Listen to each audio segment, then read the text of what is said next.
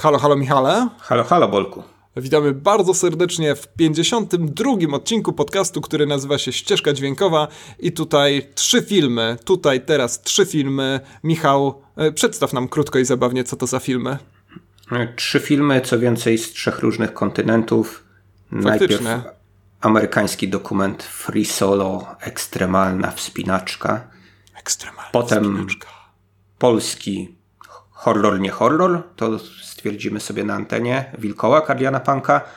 A wreszcie laureat Złotej Palmy zeszłorocznej Hirokazu Koreeda z filmem Złodziejaszki.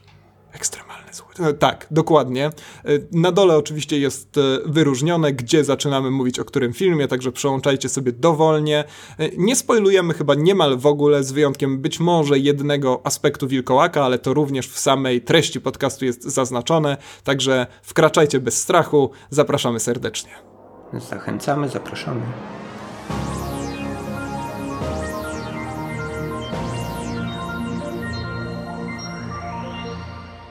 Obejrzeliśmy film, który zdobył w tym roku Oscara dla najlepszego dokumentu. Film, który w oryginale nazywa się Free Solo, dostał polski podtytuł Ekstremalna wspinaczka. Tak, speed niebezpieczna prędkość, free solo, ekstremalna wspinaczka, to jest, to jest bardzo ciekawy trend dodawania, dodawania podtytułów No, ale- tłumaczenia tytułów. Lepsze To to, jest inna dyskusja. lepsze to No. niż, y, niż przetłumaczenie tego jako wolny singiel na przykład, prawda? E, Tak, bo to, bo, bo to byłaby tautologia oczywiście. Wolny singiel, masło maślane, to musimy tego unikać przynajmniej w, w tytułach. No właśnie, ale czy ekstremalne doświadczenia towarzyszyły ci podczas seansu No tego trochę, filmu? trochę mi towarzyszyły, muszę przyznać. E, Może z, zacznijmy od tego, zanim przejdziemy od moich doświadczeń, że to jest taki film, który ma dość dziwną historię dystrybucyjną, bo on leci w tym momencie w wybranych kinach. Można go już było oglądać w telewizji na National Geogra- Geographic, ponieważ ta właśnie telewizja wyprodukowała Free Solo, ekstremalną wspinaczkę. Można go było ro- oglądać na różnych festiwalach, na przykład na Festiwalu Filmów Górskich, e, tu bez niespodzianek. E, I ja od razu powiem, że chyba jeżeli jeszcze nie widzieliście Free Solo, to znajdźcie te pojedyncze seanse w niektórych kinach e, i wybierzcie się rzeczywiście do kina, bo wydaje mi się, że to jest film, który emocjonalnie faktycznie najlepiej działa, no nie tylko w wyizolowanym od e, wszechświata ciemnym pomieszczeniu, ale też na wielkim ekranie, gdzie rzeczywiście można tą grozę El Capitan e, w całości wchłonąć w siebie. No tak, ja muszę przyznać, że byłem dość mocno rozedrgany w kulminacji tego filmu. Ja w ogóle jakoś tak, mimo że sam nie mam absolutnie nic wspólnego ze wspinaczką inną niż po schodach, to muszę przyznać, że takie sceny zawsze na mnie działają. Nie wiem, czy pamiętasz, na pewno pamiętasz, taki film Serro Torre, który zresztą też się nazywał e, w oryginale w Polsce, bo to jest zresztą nazwa własna, z podtytułem u nas to był Serro Torre Krzyk Kamienia, o ile dobrze pamiętam. I tam też mieliśmy, tam mieliśmy wspinaczy w Patagonii z kolei i było dużo takich efektownych ujęć ludzi zwisających z jakichś nawisów skalnych i to też było, mimo że to jest film fabularny z aktorami, e, ja go widziałem zresztą w wersji... No jest to, jest, jest to film Wernera Tak, Herzoga. tak, tak, właśnie. ja, go, ja, go, ja go pamiętam bez tej nazwy góry. Być może ona była jakoś tam w, w oryginale, tak? Może tak. Jako, jako krzyk kamienia chyba po Aha, prostu no świetny tytuł, wyszedł w Polsce. świetny tytuł zresztą. Ja mam wersję, która była dodawana do czasopisma Zwierciadło. Zwierciadło kiedyś miało serię Jarmusza, Jarmusza i serię Herzoga. Pamiętam ten film też dlatego, że tam niemieccy aktorzy dubbingowali samych siebie po angielsku, co dało bardzo komiczny efekt. No ale tam jest dużo takich ujęć właśnie lusi, ludzi zwisających z nawisów skalnych i to na mnie działało. I tutaj, no to co się dzieje w tym filmie, to rzeczywiście jest piekielnie imponująca sprawa. Ponieważ czym jest ten, No- ten to free solo, Michał?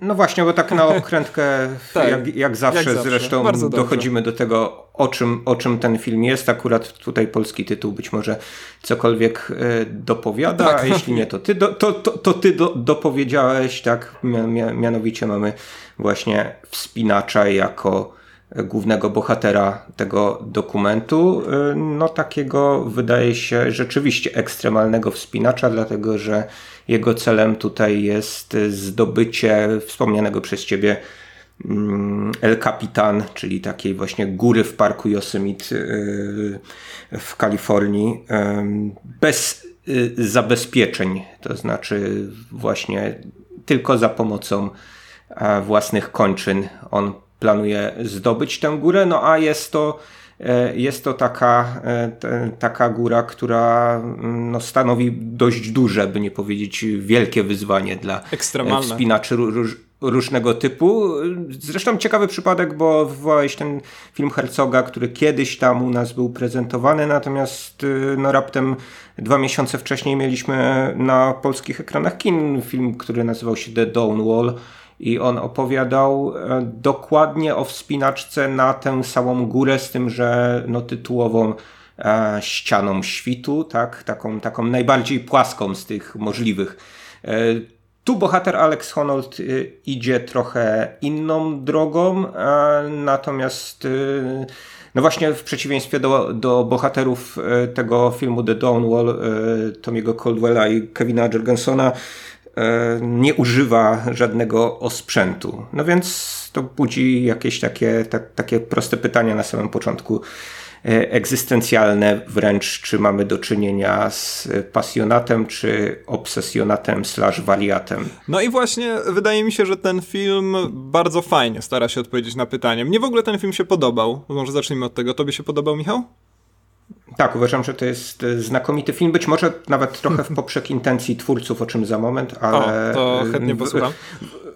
Wyrażenia miałem bardzo, bardzo wielkie, mimo że y, no, ja obejrzałem ten film akurat w y, domowych pieleszach, bo nie liczyłem na to, że będzie jakaś dystrybucja kinowa. To jest właśnie ten ciekawy przypadek. Widzę, że tutaj film mi nawet wyświetla, że już jutro można obejrzeć ten film na National Geographic, a jednocześnie dzisiaj w kinie Kika. Tak, i wydaje mi się, że chyba na Player FM jest też ten film, czy ja na jakimś innym VOD. W każdym razie można go obejrzeć rzeczywiście w pieleszach domowych, zakopany w kołderkę, e, ale no chyba gdybym miał wybór w tym momencie, to absolutnie postawiłbym na kino. Tu dodajmy od razu, że to jest taki dokument w formie, chciałoby się powiedzieć, bardzo tradycyjny. My tutaj dość rzadko mówimy o filmach dokumentalnych, ale kiedy mówimy, to zwykle zastanawiamy się nad takimi produkcjami typu Tower, na przykład e, o snajperze z wieży na Uniwersytecie w Teksasie w Austin, o filmach, które w jakiś tam sposób starają się eksperymentować z tymi dokonaniami dokumentu. Bardzo często są jakimś takim autokomentarzem na temat tego w ogóle, na ile dokument jest e, przydatnym medium i co faktycznie jest w stanie przekazać e, widzom.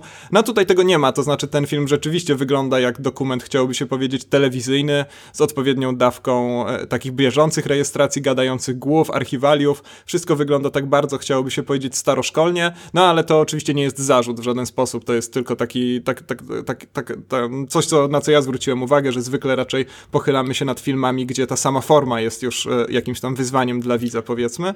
Tu, tu raczej tak nie ma. No tak, to od razu, od razu ci wejdę w słowo, dlatego że z jednej strony oczywiście masz rację z tymi gadającymi głowami i tak dalej, ale z drugiej strony jednak realizuje ten film para wspinaczy, którzy ym, do tej pory no, zrealizowali chyba tylko jeden film tak, e, tak. Meru. To był mhm. taki, te, taki film o wspinaczach wysokogórskich, który e, też szereg nagród swego czasu e, zdobył. Natomiast to są właśnie specjaliści od wspinaczki, może bardziej właśnie niż filmowcy, ale w związku z tym no, zdjęcia są tutaj e, spektakularne ze względu na to, że właśnie e, z takich e, no, niecodziennych technik filmowania, na które pewnie nie odważyliby się profesjonalni twórcy nie, filmowi. Nie, raczej nie. Tutaj para, która nazywa się Jimmy, Jimmy Chin i, i e, ach, uciekło mi nazwisko tej pani e, Elizabeth Chai Vasarei. Ach, Boże, jakie straszne nazwisko do wymówienia. Tak, no tego pierwszego pana tam, tam widzimy w filmie, prawda? Jeżeli chodzi o tą panią, to, to nie wiem. Tak, pojawia się nawet to, ten Tommy Caldwell, przed, przeze mnie wywołany, który mhm. właśnie wcześniej na The Dawnwall się wdrapał, więc widać, że to jest takie y, no dosyć jednak właśnie środowiskowe, tak, tak jeśli tak. Chodzi o, te, y, o, ten, o ten cały film. Jeżeli klikniesz sobie nazwisko Alexa e, Caldwella na Filmwebie czy na IMDb, to wyskoczy ci bardzo dużo pozycji w kategorii aktor, bo on, bo właśnie widać, że no to jest taka zamknięta społeczność, e, która bardzo lubi mm, o sobie samej opowiadać, więc powstało kilka produkcji telewizyjnych właśnie o tych wspinaczach, no w samym parku Yosemite na przykład, e, gdzie oni, jak się okazuje, jeszcze tam nie do końca legalnie tak naprawdę się wspinają, ale nie wiem, nie wiem wiem do końca y, o co, o co w tym wszystkim chodzi. Tak, jest, jest, jest taki film, którego ja, ja nie widziałem. On się nazywa oryginalnie Valley Uprising, po polsku tak. Buntownicy na krawędzi. Tak, on podobno jest do obejrzenia. na krawędzi, tak. podobno jest do obejrzenia na, na, na Netflixie, więc można też sobie w, w, ramach takiego tryptyku, tak, e, czy też, no nie wiem, jeżeli dodamy do tego Her Hercoga, to jeszcze większej serii wspinaczkowej. No i Cliffhangera jeżeli, jeżeli jesteście w stanie to, no może bez przesady. E, taki, takich rzeczy nie, nie, nie polecajmy, mówmy o, o porządnych tak, filmach. E, naszym młodszym widzom przypomnijmy tylko, że naprawdę jest film, którego tytuł brzmi po prostu Cliffhanger.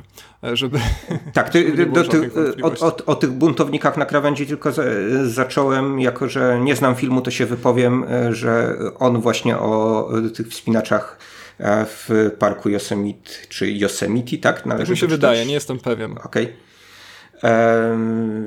Właśnie, właśnie tam odzbierali się od, od, od dekad i trochę tak właśnie no na dziko można powiedzieć też swoją, swoją wspinaczkę e, uprawiali, więc tak jak wcześniej wspomniałem, no jest to trochę E, trochę takie zamknięte środowisko, e, w którym, w którym obracamy się w tych wszystkich trzech filmach.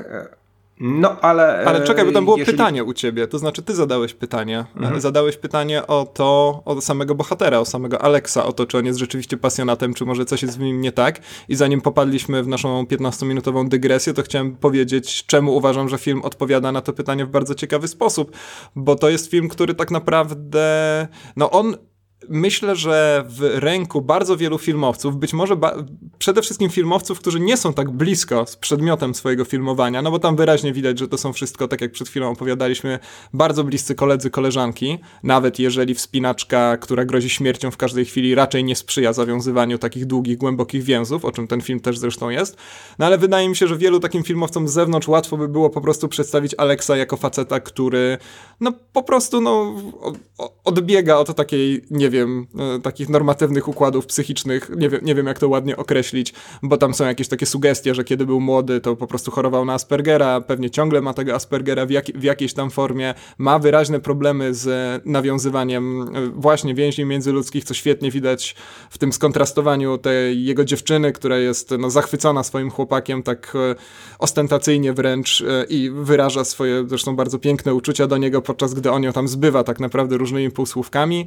No i bardzo łatwo byłoby z niego zrobić takiego faceta, który rzeczywiście odcina się od społeczeństwa i tylko i wyłącznie myśli o tym, jak najefektowniej się zabić, ale no to, to, to, to na szczęście w tym filmie nie wybrzmiewa, to znaczy wydaje mi się, że on jest jakoś tak ładnie zbalansowany między właśnie taką jakąś quasi psychopatyczną namiętnością, a, a po prostu taką regularną pasją, e, której człowiek z zewnątrz po prostu nie zrozumie. I to, I to mi się bardzo dużo w tym filmie podobało. Ja bardzo polubiłem tego bohatera, jednocześnie nie będąc pewnym, czy, czy rzeczywiście chciałbym go mieć wśród e, bliższych, czy nawet dalszych znajomych. Także no niewielu filmom tak się udaje potraktować swoich bohaterów i to jest kapitalne osiągnięcie, naprawdę. Więc ten film nie tylko jest emocjonujący, ale po prostu jest też tak bardzo budujący i edukacyjny, jeżeli chodzi o to właśnie, jak przedstawiać przedmiot dokumentu. To było, to, to jest moja odpowiedź na twoje pytanie sprzed 10 minut. Powiedziałbym, że podmiot dokumentu raczej niż przedmiot. Tak no tak, fak przedmiotawiać fak tak, tego, faktycznie. Tego, rzeczywiście tego to, to, właśnie y, wiele, wielu filmowców z zewnątrz być może rzeczywiście chciałoby go uprzedmiotowić, a on tam jest takim, za przeproszeniem, sprawczym podmiotem oczywiście. A właśnie, właśnie ja w tym momencie, gdy wywołałeś tego Herzoga, sobie wyobraziłem, że Werner Herzog realizuje o Aleksie film i byłaby to, jak Co? sądzę... Teraz? Tak? Nie, wyobraziłem A, wyobraziłeś sobie. sobie. Wiesz, Przepraszam, ułoży, akurat sięgnąłem ułożyłem sobie i przegapiłem to jedno kluczowe słowo. No, no. Ułożyłem sobie w, w głowie taki e, sequel e, Grizzlymana właśnie. Tak, tak, absolutnie. Jeśli nie wiedzieliście Grizzlymana, to serdecznie polecam. E, historia też o pewnego rodzaju obsesjonacie też związanym z naturą, tylko tutaj właśnie e, eksplikowaną za pomocą właśnie tych, e, tych, tych niedźwiedzi tytułowych.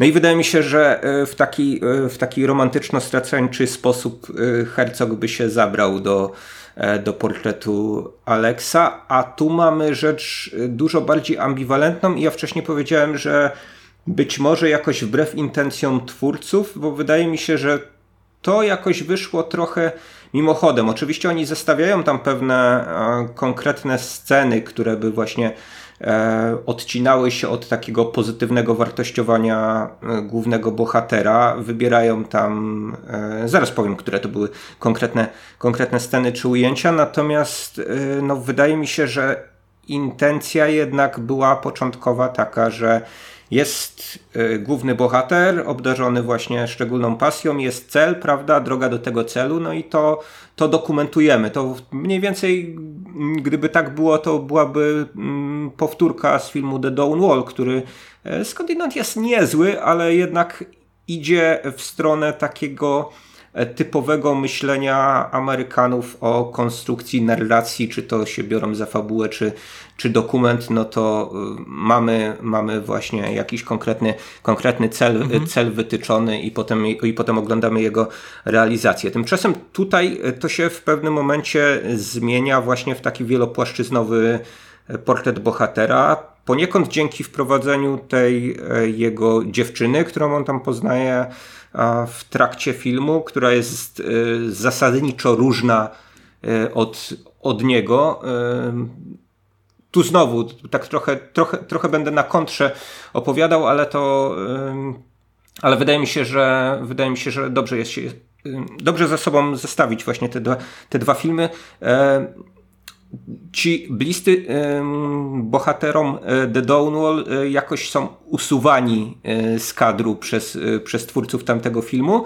E, podczas gdy e, tutaj no, te sceny, sceny z dziewczyną e, kilkakrotnie powracają i to nie tylko w takim kontekście właśnie wspinaczkowym, ale też właśnie jakiegoś tam planowania wspólnego życia, tak, prawda? próby Do... meblowania domu, kupowania lodówki. No fantastyczne są te sceny z nią, mhm. one są chyba najważniejsze tak naprawdę, wydaje mi się, dla, dla zbudowania Jasne, zarazem, zarazem pokazują taki dysonans pomiędzy właśnie tymi dwoma światami, to znaczy światem pasji wspinaczkowej właśnie Alexa i, i, i całym, cały, całym światem na zewnątrz, który on traktuje no, z, można było powiedzieć, chłodem, obojętnością, nie wiem, niepotrzebne skreślić, e, w każdym razie z dystansem takim ba, ba, bardzo mocnym. I e, mamy tu wręcz sugestię, że no, jest to kwestia e, chorobowa, być może odziedziczona po jego ojcu, który mm, prawdopodobnie miał niezdiagnozowany syndrom Aspergera, taki dosyć, dosyć zaawansowany.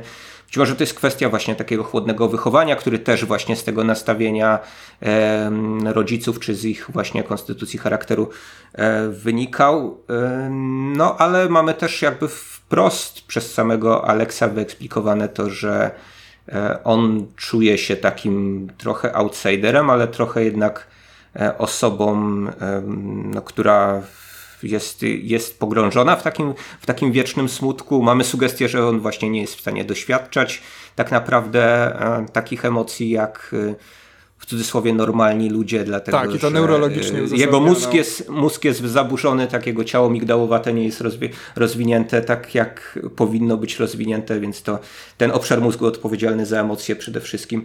No i to nam wszystko um, daje coś dużo więcej niż opowieść o wspinaczce e, na tę konkretną ścianę, bo tutaj jest sugestia taka, że, że to jest jedna ze ścian po prostu, prawda? Były, były wcześniej inne, były inne wyzwania. No, i te wy... Na pewno warto. Tak E, nie, też nie będziemy tutaj spoilować, na pewno warto nie wiedzieć dokładnie, jak się e, skończyła wyprawa Aleksana, El Capitan. Ja nie wiedziałem na przykład. E, I być może dzięki temu rzeczywiście byłem ekstremalnie podekscytowany, ale myślę, że nawet jeżeli widz wie dokładnie, co kiedy się wydarzyło, to również podekscytowany będzie. No bo rzeczywiście psychologia psychologią, to wszystko tam jest bardzo ładnie nakreślone, tak jak powiedziałeś, ja się z tym absolutnie zgadzam, podpisuję oboma rękami, ale no jednak tym centrum wizualnym budowania napięcia i tak dalej jest sama wspinaczka, ona wygląda zupełnie kapitalnie. To jest też ten moment, takie może nie moment, ale taka sytuacja, kiedy taki normals jak ty czy ja e, po prostu patrzy z niedowierzaniem na to, co się tam wydarza, ponieważ El Capitan jest górą widzimy w dużych fragmentach praktycznie zupełnie płaską, pozbawioną e, jakichkolwiek porządnych miejsc, gdzie można by było chociażby cały paluch u stopy wsadzić. On tam się porusza miejscami, tam jest zresztą świetne ujęcie na zbliżeniu, jak on się dwoma palcami czegoś tam trzyma i jesteś przekonany, że te dwa palce to jest jedyna rzecz, która dzieli go od kilkukilometrowej przepaści. E, więc to rzeczywiście robi ogromne wrażenie. E, kulminacja tego filmu jest, no to jest właśnie ta ekstremalna wspinaczka i ekstremalne przeżycia u widza, e, ale tak, no trzeba, trzeba powiedzieć, że to nie jest po prostu taka historia o facecie, który no podjął się jakiegoś wyzwania, właśnie nie ma tej, tego amerykańskiego stylu, o którym wcześniej wspomniałeś. Ja mam takie wyzwanie, sam je sobie rzucam i tutaj dzięki potędze samorozwoju, siły woli jestem jak wojownik, chociaż te porównania akurat tam padają dość regularnie, no rzeczywiście udaje mu się albo nie udaje mu się e, tego celu osiągnąć. Tylko tu rzeczywiście po drodze znaczy, powiem, bardzo dużo.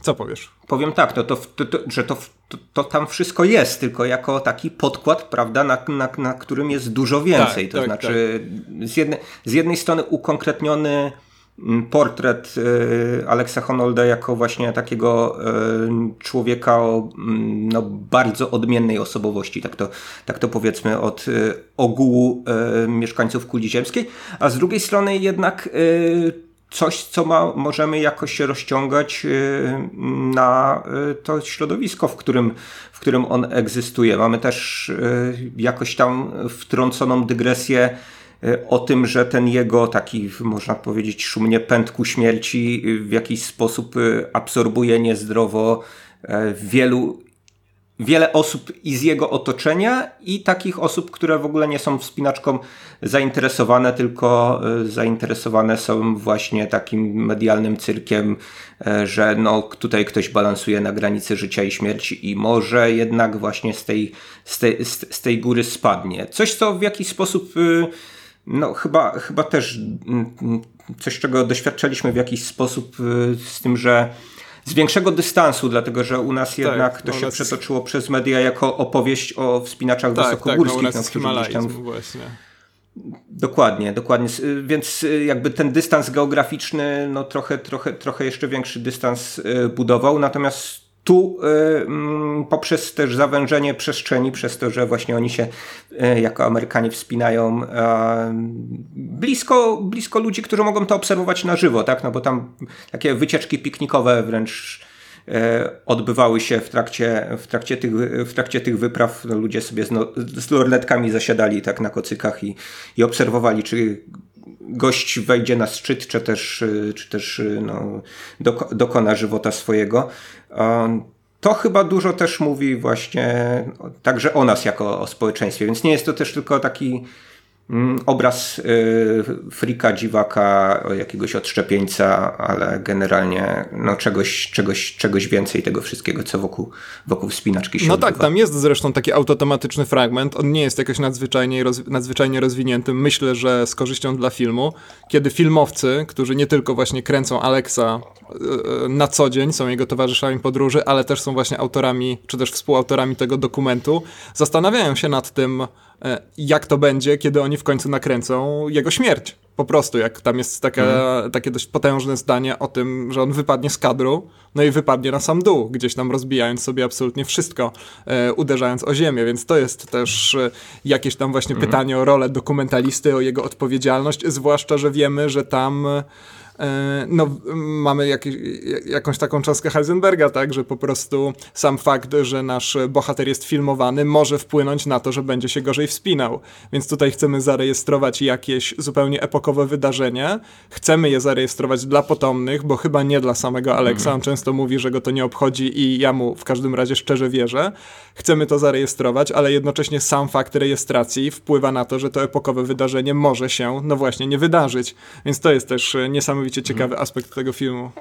Tak, tak, to jest, to jest super właśnie, że te autotematyczne e, wtręty tutaj e, też funkcjonują na innej zasadzie niż taki właśnie hercogowski narrator objaśniający czy interpretujący, ale e, na zasadzie współuczestniczenia czy empatyzowania wręcz z bohaterem, no bo to są jednak właśnie ludzie z jego środowiska, oni się obawiają o to, że nie mogą się z tą kamerą za bardzo zbliżyć, a z drugiej strony jednak chcieliby mieć jak najlepsze ujęcie, prawda?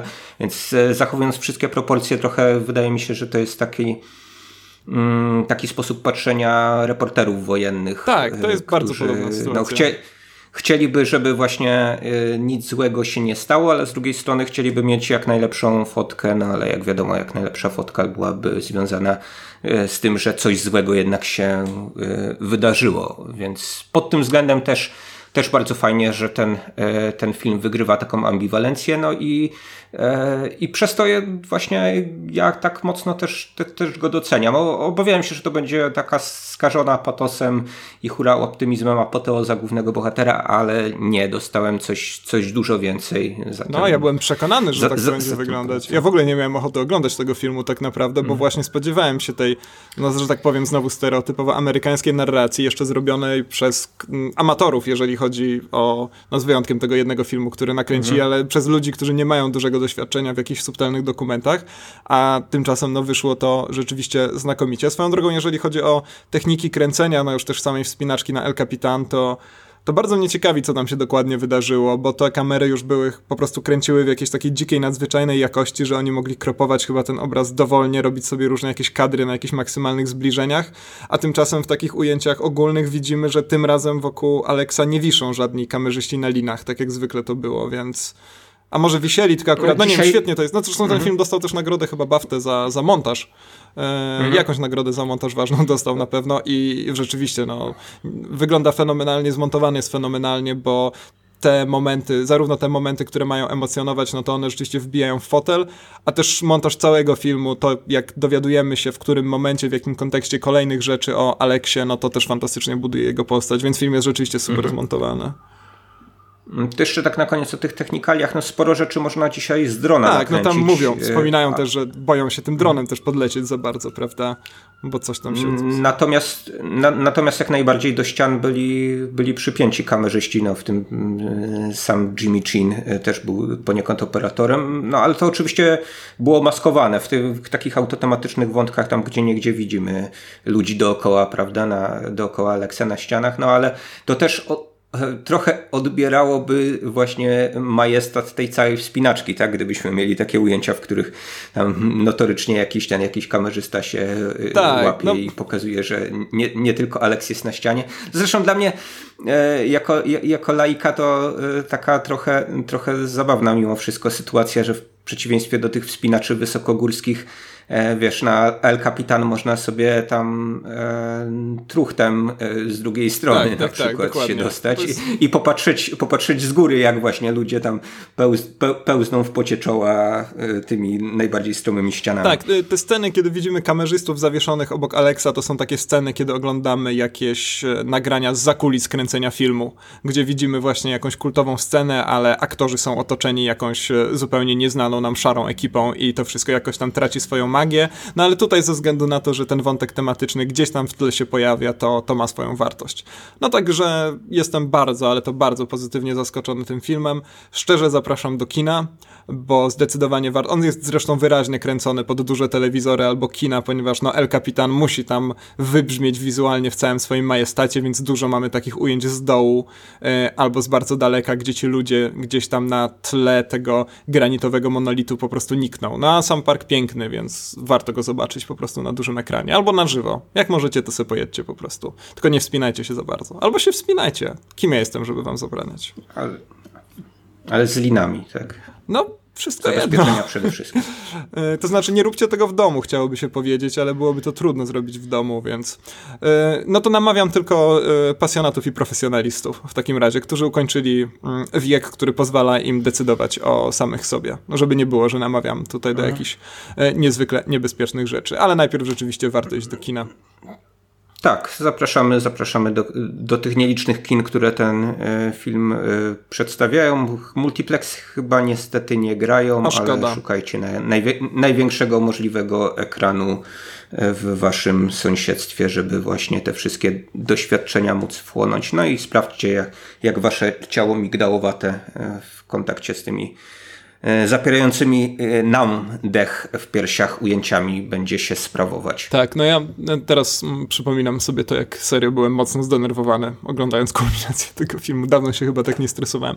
E, dobra, Michał, to może a propos stresu, strachu, e, suspensu, napięcia, przejdziemy do filmu reklamowanego jako e, pierwszy dobry polski horror od lat, czyli do filmu Wilkołak. Tu od razu zaznaczmy dla naszych znowu młodszych widzów, którym, e, słuchaczy, przepraszam, którym dzisiaj poświęcamy nadzwyczajną uwagę, e, że Wilkołak to jest film, o którym ja już wspominałem przy okazji naszego odcinka pod tytułem Kler i hity z Gdyni, tam też był innymi Monument, e, ale ty wtedy jeszcze Wilkołaka nie widziałeś, także chciałbym ciebie wypytać o twoje wrażenia, zwłaszcza, że ja już um, troszkę słabiej ten film pamiętam, jeszcze go sobie nie odświeżyłem, aczkolwiek pewnie przy najbliższej okazji to zrobię, ponieważ Velvet Spoon właśnie wprowadza Wilkołaka do kin.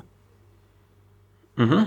Tak, rzeczywiście ja Wilkołaka mam, mam w miarę na świeżo. Zastanawiałem się w jaki zmyślny sposób zresztą połączysz te dwa filmy, które są jednak nieźle wyszło, nie? dość mocno odległe. No można by to by jeszcze nieźle, nieźle pochwalam, natomiast można byłoby jeszcze połączyć y, tym, że akcja dzieje się tutaj y, w górach i w lesie. Nie, moje było tak? lepsze chyba.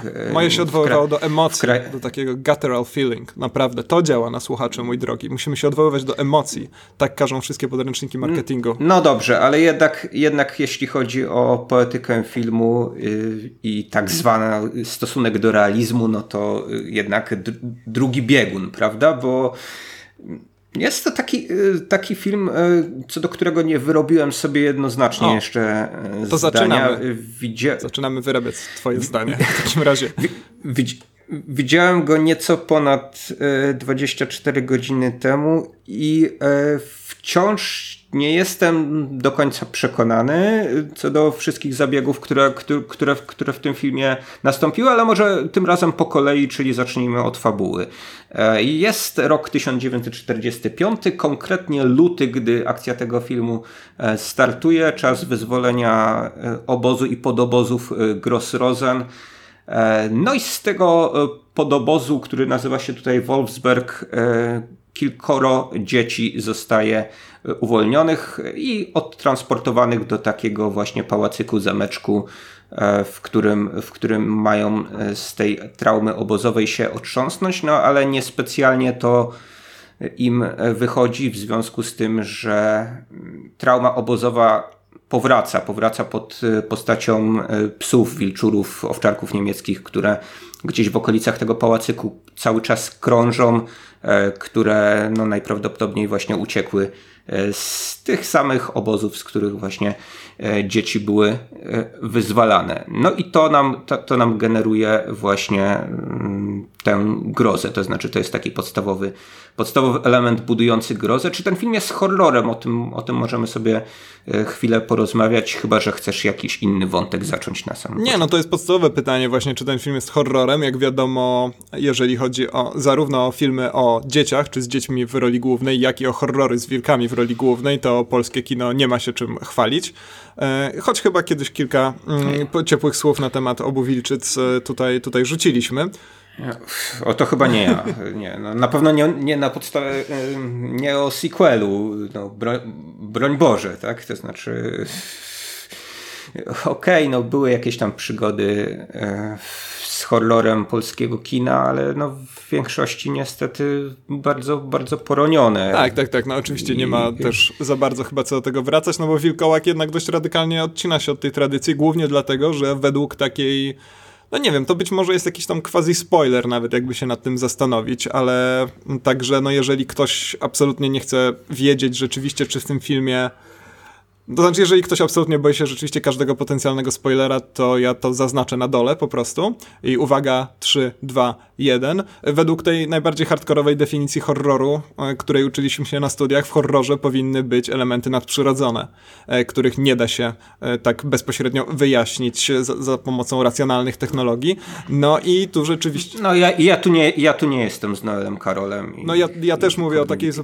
Tak, tak, ja też mówię o takiej podstawowej definicji, okay. która no tak naprawdę myślę, że wyczerpała się w momencie, kiedy ktoś spisał ją na papierze, ale jest to niewątpliwie istotne dla samego filmu. To znaczy faktycznie, no nie mamy tam do czynienia z wilkołakami, jak sugerowałby bezpośrednio tytuł. Nie mamy tam mhm. do czynienia z ludźmi, którzy przy pełni księżyca e, pokrywają się sierścią, wydłużają się im pyski i tak dalej.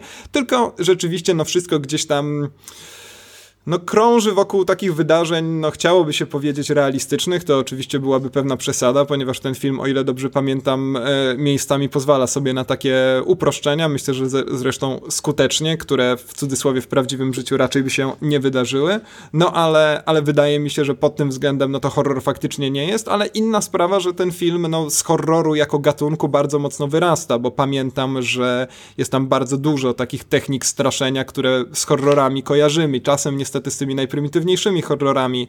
E, to, co po angielsku nazywa się jumpscare, to, co ja po polsku usiłuję nazwać tosterem i będę to określenie, zresztą nie moje, tylko mojej koleżanki jeszcze z liceum, promować. E, czasem jest tam tego zdecydowanie za dużo, no ale film rzeczywiście korzysta z takiego garnituru horroru jak najbardziej. No a to, co tam prześwituje, to, to, to inna przy, sprawa. Przy, przy, przepraszam, że ci, że ci tutaj spauzuję. Dlaczego chcesz tak nazywać jump, jumpscare po polsku może?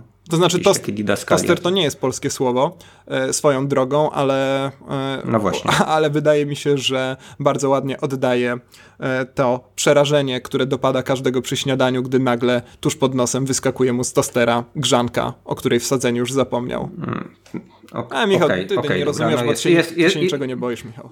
Więc... Znaczy nigdy, nigdy nie miałem tostera, raczej, raczej opiekacz taki, który tam robił tylko ding, prawda? A, nie wyskakiwało, tak? No, nigdy, nigdy mnie to nie, nie, nie pobudziło tak rzeczywiście do jakiegoś skakania, a też grzanka mnie nie atakowała w taki sposób, jak być może ciebie.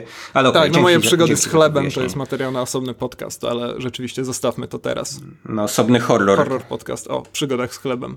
E, tak, no więc e, wydaje mi się, że jakbyśmy, ja rzeczywiście, no określiłbym ten film pewnie mianem horroru, no bo po prostu jest tak mocno zakorzeniony mhm. w tym gatunku, że nie da się od tego uciec, a to, że po prostu prowadzi ten film trochę w inną stronę, no to to jest inna kwestia. I tyle. Mhm. Jasne, jasne. E, tu jest, żeby tak trochę usprawiedliwić twórców, może jeśli chodzi o te wilkołacze skojarzenia, to oni tym motywem wilka, czy też słowem wilk w jakiś sposób tutaj się bawią. Być może w taki sposób nawet zbyt ostentacyjnie. To jest jeden z moich takich Tak, no sam wspomniałeś o podobosie Wolfsburg, że... tak? E, też natomiast e, oddziały Werwolfu, czyli właśnie takiej e, partyzantki, można powiedzieć tak, hitlerowskiej, to właśnie ten czas, kiedy one się uaktywniają w roku 45, więc być może ten, jakby ten film się nazywał Werwolf, tak, to, było, to byłoby lepiej niż, że nazywa się Wilkołak, no ale ten cały, cały, cały um, motyw wilka jest taki chyba dosyć charakterystyczny w ogóle dla um, myślenia o tamtych czasach, znaczy myślenia o nazistach i generalnie o, gdzieś pośród tych symboli mitów, mitów nazizmu Wilk pełni dosyć, e, dosyć, dosyć istotną rolę. E, sam, sam Hitler kazał się, e, znaczy kazał, no, polecał się swoim bliskim nazywać wilkiem, takim wujkiem Wolfem był nawet dla, dla niektórych. Mie, mie, mieszkał sobie w Wilczym Szańcu albo w Wilczym Kryjówce, w zależności Ej, od, od tego, dzisiaj nazywajcie mnie która, wilk. Które część... No, wilk, okej. Okay. Nie, nie, Ado, mów mi wilk. E, Aha, myślałem, że o sobie mówisz, bo tak jakby się zredukował do Hitlera, to już możemy kończyć, wiesz, tak, odcinek i, i tutaj Ale opuszczać, to, opuszczać kurtynę. To by było modelowe auto zaoranie po prostu. To byłby najgorzej użyty argumentum ad Hitlerum w historii e, dyskusji. Myślę, że kiedyś powinniśmy taki eksperyment przeprowadzić i kończyć w ten sposób. E, znaczy, co prawda Sayonara gdzieś tam się na, e, wśród państw osi tak, mieści, ale, ale może jakimś Auf Wiedersehen Auf Wiedersehenem będę się żegnał. Ale, ale chyba, chyba jeszcze nie w tym odcinku. E, wracając do tematu, no i są wreszcie te wilczury, tak, które, które, które krążą gdzieś dookoła, ale krążą, ja bym powiedział, bardziej na taką baśniową modłę, bo e, temu filmowi chyba koniec końców e, nie tylko przez ostatnie ujęcia, których no, jakoś tam szczegółowo nie będę rzecz jasna omawiał, z baśnią ma chyba mm, koniec końców najwięcej, najwięcej wspólnego. No i tak, tak, też taką, taką baśnią typowo niemiecką, e, w której jak u braci Grimm e, wilki muszą być tymi głównymi złymi. No a tu nawet gdzieś tam czerwony kapturek mignie. No tak, jak ktoś zauważy tego czerwonego kapturka, to, to, to, to, to pewnie nie jest to, to, to zupełnie przypadkowe. Pytanie, czy mm, czy to jest, czy to jest konsekwentne, jeśli chodzi o realizację tego filmu, bo ten film na początku obiecuje jednak jakąś taką bardziej realistyczną, psychologiczną opowieść. No a czy dostarcza pod tym względem? Bo moim zdaniem nie za bardzo jednak. Nie, to wszystko. znaczy jeżeli chodzi o psychologię postaci, o tych nieszczęsnych uwięzionych dzieci, które faktycznie muszą się kryć przed tymi bardzo demonicznymi wilczurami. Swoją drogą to porównanie do niemieckiej baśni chyba rzeczywiście działałoby tu najlepiej. Ja sam o nim wcześniej nie myślałem, ale rzeczywiście no, ta historia jest taka właśnie grimowa z ducha. E, ale faktycznie ta psychologia może do końca nie wybrzmiewa. Nie zmienia to faktu, że to, co, o ile dobrze pamiętam, najbardziej zaimponowało mi w tym filmie, to jednak taka konsekwencja scenariusza, może właśnie nie na poziomie e, psychologii, pogłębiania charakteru postaci i tak dalej, co po prostu samych sekwencji zdarzeń. E, rzadko się w polskim kinie zdarza.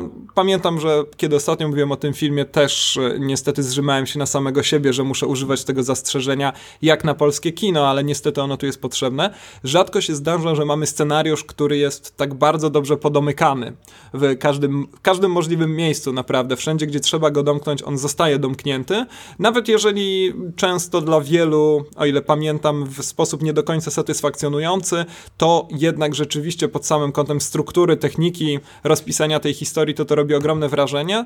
I byłem trochę zdziwiony, że Panek dostał w Gdyni nagrodę za reżyserię, a nie za scenariusz właśnie. On jest też, o ile dobrze pamiętam, autorem scenariusza. Wydawało mi się, że te lwy za scenariusz scenariusz jak najbardziej się mu należą. Nie pamiętam, kto dostał nagrodę za scenariusz, e, ale no będę podkreślał to, że nawet jeżeli ta psychologia postaci trochę się rozbija, bo też ten scenariusz z założenia tak skacze między tymi postaciami, gdzieś tam bardzo często operuje jakimś takim skrótem, męczącym symbolem, to jednak sama struktura tego i jakieś takie poczucie satysfakcji, wydaje mi się, z domknięcia wątków u widza w każdym razie u mnie tutaj jest. Więc to jest to, co rzeczywiście z tego filmu hmm. pamiętam i za co będę go chwalił.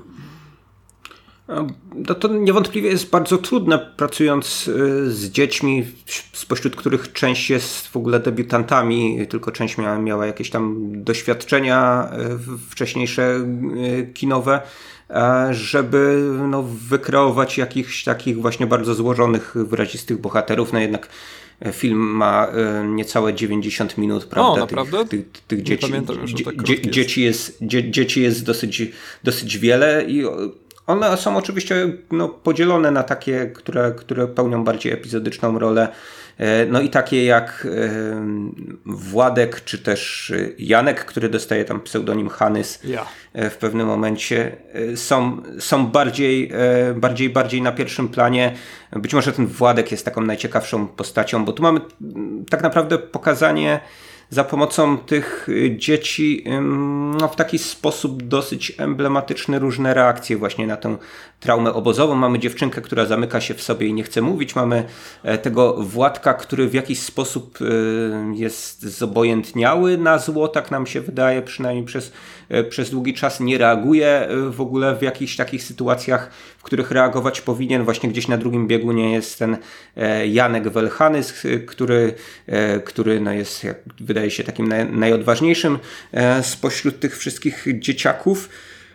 Natomiast wydaje mi się, że ten film w, w miarę jego rozwoju e, porzuca taką, ta, taką perspektywę właśnie e, opowieści o tym, jak, jak, jak, jak traumy się odreagowuje na, na, na rzecz budowania takiego charakteru coraz bardziej jednak właśnie baśniowo odrealnionego. I Wciąż nie wiem, czy to, czy, czy, czy to źle, ale no ja czułem, że to przejście mm, dokonuje się jakoś być może, być może zbyt szybko, a być może za, za, za mało konsekwentnie, być może za często przerywane jest tymi jumpscarami i takimi powtarzalnymi scenami właśnie z atakiem psów, bo tu mamy trochę jednak taki home invasion, prawda, tylko ze zwierzętami. E, zamiast, zamiast zwyczajowo ludzkich napastników, jakichś włamywaczy. Te psy cały czas gdzieś się tam dobijają do jakichś drzwi tego, e, tego pałacyku, żeby no, kogoś, kogoś tam rozszarpać. E, trochę, tro, trochę, trochę wydawało mi się tego, tego za dużo kosztem być może jakichś scen, które pokazywałyby w sposób bardziej pogłębiony relacje pomiędzy głównymi bohaterami. Jasne, no ja tak jak mówię, ja trochę wygrzebuję to z e, otchłani pamięci, ale pamiętam jedną scenę, która właśnie w wykorzystaniu tych konwencji horrorowych szczerze mi się nie podobała. I to jest jedna ze scen, w którym któryś z bohaterów biega po piwnicy i tam do każdego z okien właśnie podbiega któryś z wilczurów i go straszy. I to wygląda trochę jak taka niemalże parodia właśnie tosterów, opiekaczy czy jumpscarów, kiedy właściwie chyba co jakieś 4 sekundy jakiś taki toster nas atakuje z ekranu i wiadomo już po prostu, kiedy bohater podbiega do siódmego z kolei okna, to wiadomo, że tam też ten wilczur e, podbiegnie, ujadając wściekle, ale, ale mimo to i tak to, e, i tak to oglądamy, więc jest to taki, no miejscami rzeczywiście te zabiegi nie są do końca udolnie przeprowadzone według mnie, ale ja będę trzymał się tego, tych moich bardzo naprawdę pozytywnych wspomnień z seansu. Z tym, że też miałem takie głębokie przekonanie o tym, że gdybym zobaczył ten film na nie wiem, jakimś Fantasy Fest albo czymś takim, jakimś takim przeglądzie kina gatunkowego, to boję się, że Wilkołak gdzieś by mi tam być może się rozpadł wśród, wśród innych tytułów, które są po prostu podobnie przyzwoite, ale tutaj no z tym nieszczęsnym zastrzeżeniem jak na kino polskie, to według mnie no maestria realizacyjna tutaj, może nie maestria, ale naprawdę bardzo wysoki poziom realizacyjny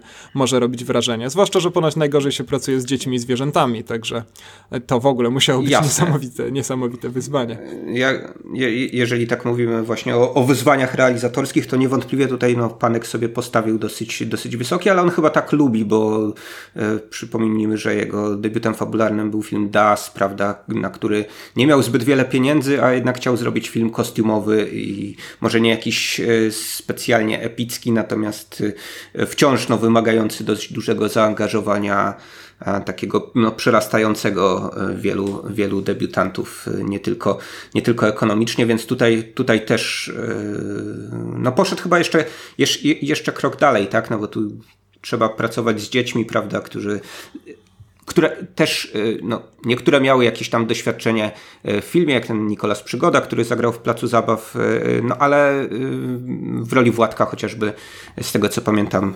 debiutant, debiutant wystąpił Kamil Polnisiak. Zatem, zatem to na pewno było wyzwaniem do tego tresura psów, do tego odpowiednie zmontowanie tych, tych, tych, tych scen, w których no, teoretycznie razem powinny być właśnie zdziczałe psy i dzieci, ale wiadomo, że nie mogły być praktycznie na planie. E, więc, e, więc tak, no ale tu jakby mm, ja staram się nie, nie oceniać e, filmowców zachęci i to, że ktoś, nie wiem, na przykład jak Piotr Dumała dłubie sobie film latami, bo wybrał sobie taką technikę zamiast animować w jakiś prostszy sposób, no to nie, nie jest to dla mnie atutem znaczy nie jest to dla mnie czymś, co by podwyższało końcową ocenę filmu. To znaczy efekt końcowy to jest jednak to, co, to, co ja widzę na ekranie. I czasami oczywiście jakaś taka wiedza dodatkowa może wpływać, czy to podświadomie nawet na moją ocenę, to że jakoś, jakoś zaburza mi patrzenie na to, ach, tu się namordowali tak przy tym filmie, więc to jest takie takie super i dużo lepsze od, od tych amerykańskich filmów, w których y, no, mają, nie wiem, cyfrowe psy na przykład, prawda? Tak, tak, oczywiście. To, Ale to są... Tak, tak, mów, mów, ja się chciałem tylko z tobą oficjalnie zgodzić, no, że za... sam fakt rzeczywiście no, nie powinien tutaj wpływać na naszą ocenę. Tutaj na szczęście efekt y, ca całości tej pracy, no także właśnie prac operatorskich, montażowych i tak dalej jest, jest rzeczywiście bardzo fajny, więc to, to należy docenić. Mhm. Mhm, zatem wiele, wiele mi się w tym filmie podoba. E, podoba mi się wiele z takich pomysłów właśnie inscenizacyjno-wizualnych. E, znowu nie wiem, czy to trochę nie na takiej zasadzie osobistej, bo ja mam e, wielką słabość do las, lasów i gór Dolnego Śląska. No właśnie, Psów też poniekąd, ale, ale ten tak, ale ten film, no można powiedzieć, tak zamiedzą był realizowany. Zresztą podobozy Grossrossen są e, rozsiane po ziemi jeleniogórskiej. Znaczy były rozsiane jakieś tam pamiątki, e, tablice upamiętniające to, e, gdzie niegdzie no podczas jakichś tam wycieczek mogłem, mogłem sobie, sobie zauważyć w samej Jeleniej Górze, Cieplicach Śląskich, Marciszowie były te, te podobozy. No a tutaj no, z, taką, z, takim, z takim wyjątkowym jakby wyczuciem tego E, no jak kamerować taką no quasi baśniową, mistyczną atmosferę tych, tych, tych, tych lasów i gór, to, to wszystko jest e, poprowadzone. Więc, więc pod, tym, pod, pod, pod, pod tym względem na, na, naprawdę mi się ten film podobał. Jeszcze powiem o jednej rzeczy, która mi się niespecjalnie podobała, ale to e, przede mną wyciągnęli ludzie na forum Filmwebu, więc może wyjdzie, wyjdzie, wyjdzie na to, że zżynam z nich, ale no, jednak zwróciłem na to uwagę. E, to znaczy, mm, ja nie mam takiej potrzeby, yy, znaczy nie widzę potrzeby ukonkretniania tej opowieści właśnie, że jest to E, Grossrosen. E, krótko powiedziawszy, ten zarzut e, polegał na tym, że wyzwalano obóz Grossrosen w lutym, natomiast akcja filmu no, dzieje się gdzieś tam w lecie, bo oni sobie jedzą jagody no i tak skandal. dalej. Pewnie guziki mają jeszcze nie te. To nie jest skandal, natomiast nie jest to też rzecz, nad którą można tak przejść y, do porządku dziennego i sobie machnąć ręką, prawda? Dlatego, że wydaje mi się, że nie jest potrzebne tego typu konkretyzowanie w tej, w tej opowieści. Mógł tam być jeden napis, powiedzmy rok 1945 i to by w zupełności wystarczyło czemuś, co jednak ma taką strukturę właśnie dosyć jednak odrealnioną i I nie, nie wiem, nie, nie, nie, nie, nie mam pojęcia, czy y, twórcy chcieli za tym Grossrosen pójść jakoś dalej, coś, coś z tym wszystkim związać razem. Ja wiem, że koncepcja tego filmu w jakiś sposób się zmieniała, że on mniej lub bardziej miał być horrorem, tak to wynika z wywiadów z reżyserem Adrianem Pankiem, w związku z czym no być może on na początku był jakoś mocniej wierny temu, że to ma być opowieść historyczna. Nie chciałbym oskarżać go o jakiś taki cynizm, że przez to mógł dostać więcej pieniędzy od PiSu, tak? Bo jak się robi filmy historyczne dzisiaj, prawda, to e, zresztą od różnych mecenasów łatwiej wydębić e, kasę, no bo oto robię film, który jest właśnie filmem, filmem historycznym, więc wartościowanym wyżej na pewno niż taki podrzędny gatunek jak to horror. No, horror to sobie pan zrób Panek. za swoje pieniądze, jak komedie romantyczne. tak, panku, zrób sobie jak jak komedie romantyczne TVN-u. Więc nie wiem, nie, nie, nie wiem co za, tym, co, co, co za tym stało. No może z twojej perspektywy jest to głupi zarzut, ale z mojej no nie taki. To jest za to cie, cie, ciekawa historia rzeczywiście, bo jak wiemy też PiS ma różne te fundusze i tak dalej, różne budżety, także prywatni sponsorzy pewnie rzeczywiście mm, bardziej przychylnie spojrzą na to, o czym przed chwilą powiedziałeś, więc ciekawe rzeczywiście, e, czy coś takiego za tym stało. Warto zwrócić uwagę na to, że mamy zupełnie niesamowity marzec, ponieważ no właśnie dzięki Velvet Spoon mamy miesiąc, gdzie na ekrany, w którym na ekrany weszły dwa polskie horrory, jeżeli Monument również będziemy w okolicach horroru klasyfikować, więc jest to taki miesiąc, który chyba nie zdarzył nam się no, od bardzo, bardzo dawna, być może nigdy. I oba te filmy zdecydowanie warto zobaczyć, także no, celebrujmy, celebrujmy ten znaczy, to jest, to, to, to jest w ogóle niesamowity miesiąc, jeśli chodzi o premiery kinowe.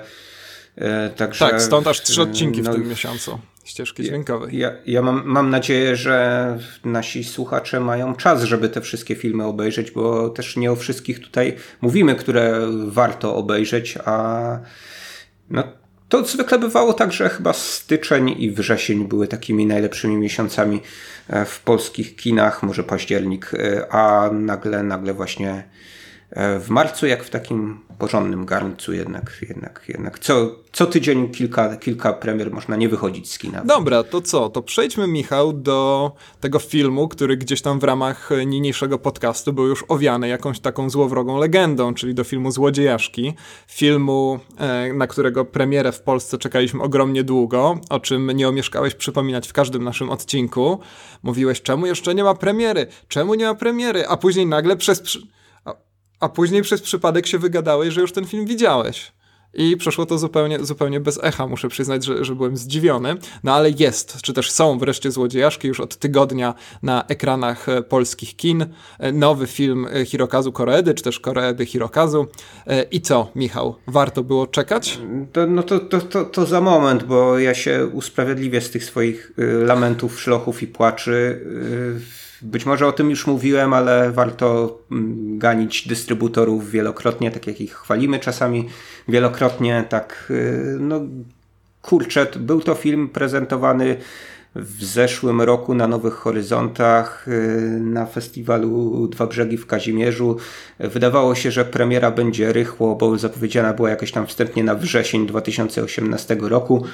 E, w związku z czym no, jakoś mocno nawet e, nie, nie, nie, nie gryzłem podłogi w kinie Nowe Horyzonty, że nie udało mi się na ten film dostać, a dostać było ekstremalnie trudno. To, e, to chyba bodaj jedyny film, na który nie udało mi się dostać podczas Nowych Horyzontów w zeszłym roku. No a potem się okazało jeszcze, że we wrześniu nie będzie premiery, w październiku nie, w listopadzie i w grudniu także nie i nie wiadomo kiedy ona będzie, wkrótce potem, yy, wkrótce, no jednak, jednak dobrych kilka miesięcy po tym festiwalowym żywocie Amazon wypuścił ten film a teraz dopiero trafia, trafia on do kin, więc no nie wiem, taki apel do, e, do takich dystrybutorów, jak dystrybutor tego filmu, którego może z litości nie będę po raz kolejny wymieniał.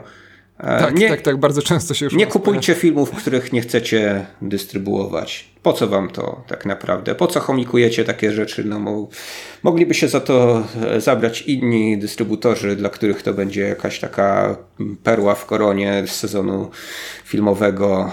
No, jednak, jednak wypromują to dobrze, pokażą to odpowiednio szybko, a przynajmniej, przynajmniej no, z jakimś namysłem, kiedy, kiedy ten film wpuścić do kin.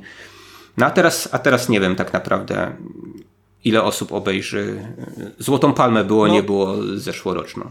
Ale tak, no zwłaszcza, że jak wspomnieliśmy, wspomnieliśmy przed chwilą, no marzec tonie w premierach, także bardzo możliwe, że Złodziejaszki, taki jednak film malutki, niepozorny, e, również gdzieś tam wśród tych premier zniknie. No nie mieliśmy go też okazji obejrzeć przed Oscarami, a przecież rywalizował z Zimną Wojną, tak, Romą i Tak, no to taki dodat dodatkowy zarzut, że tu, tu było takie dobre okno rzeczywiście, żeby ten film e, zaprezentować właśnie e, polskim widzom. Takie ostatnie, wydaje mi się, e, gdzie, gdzie można go było pokazać.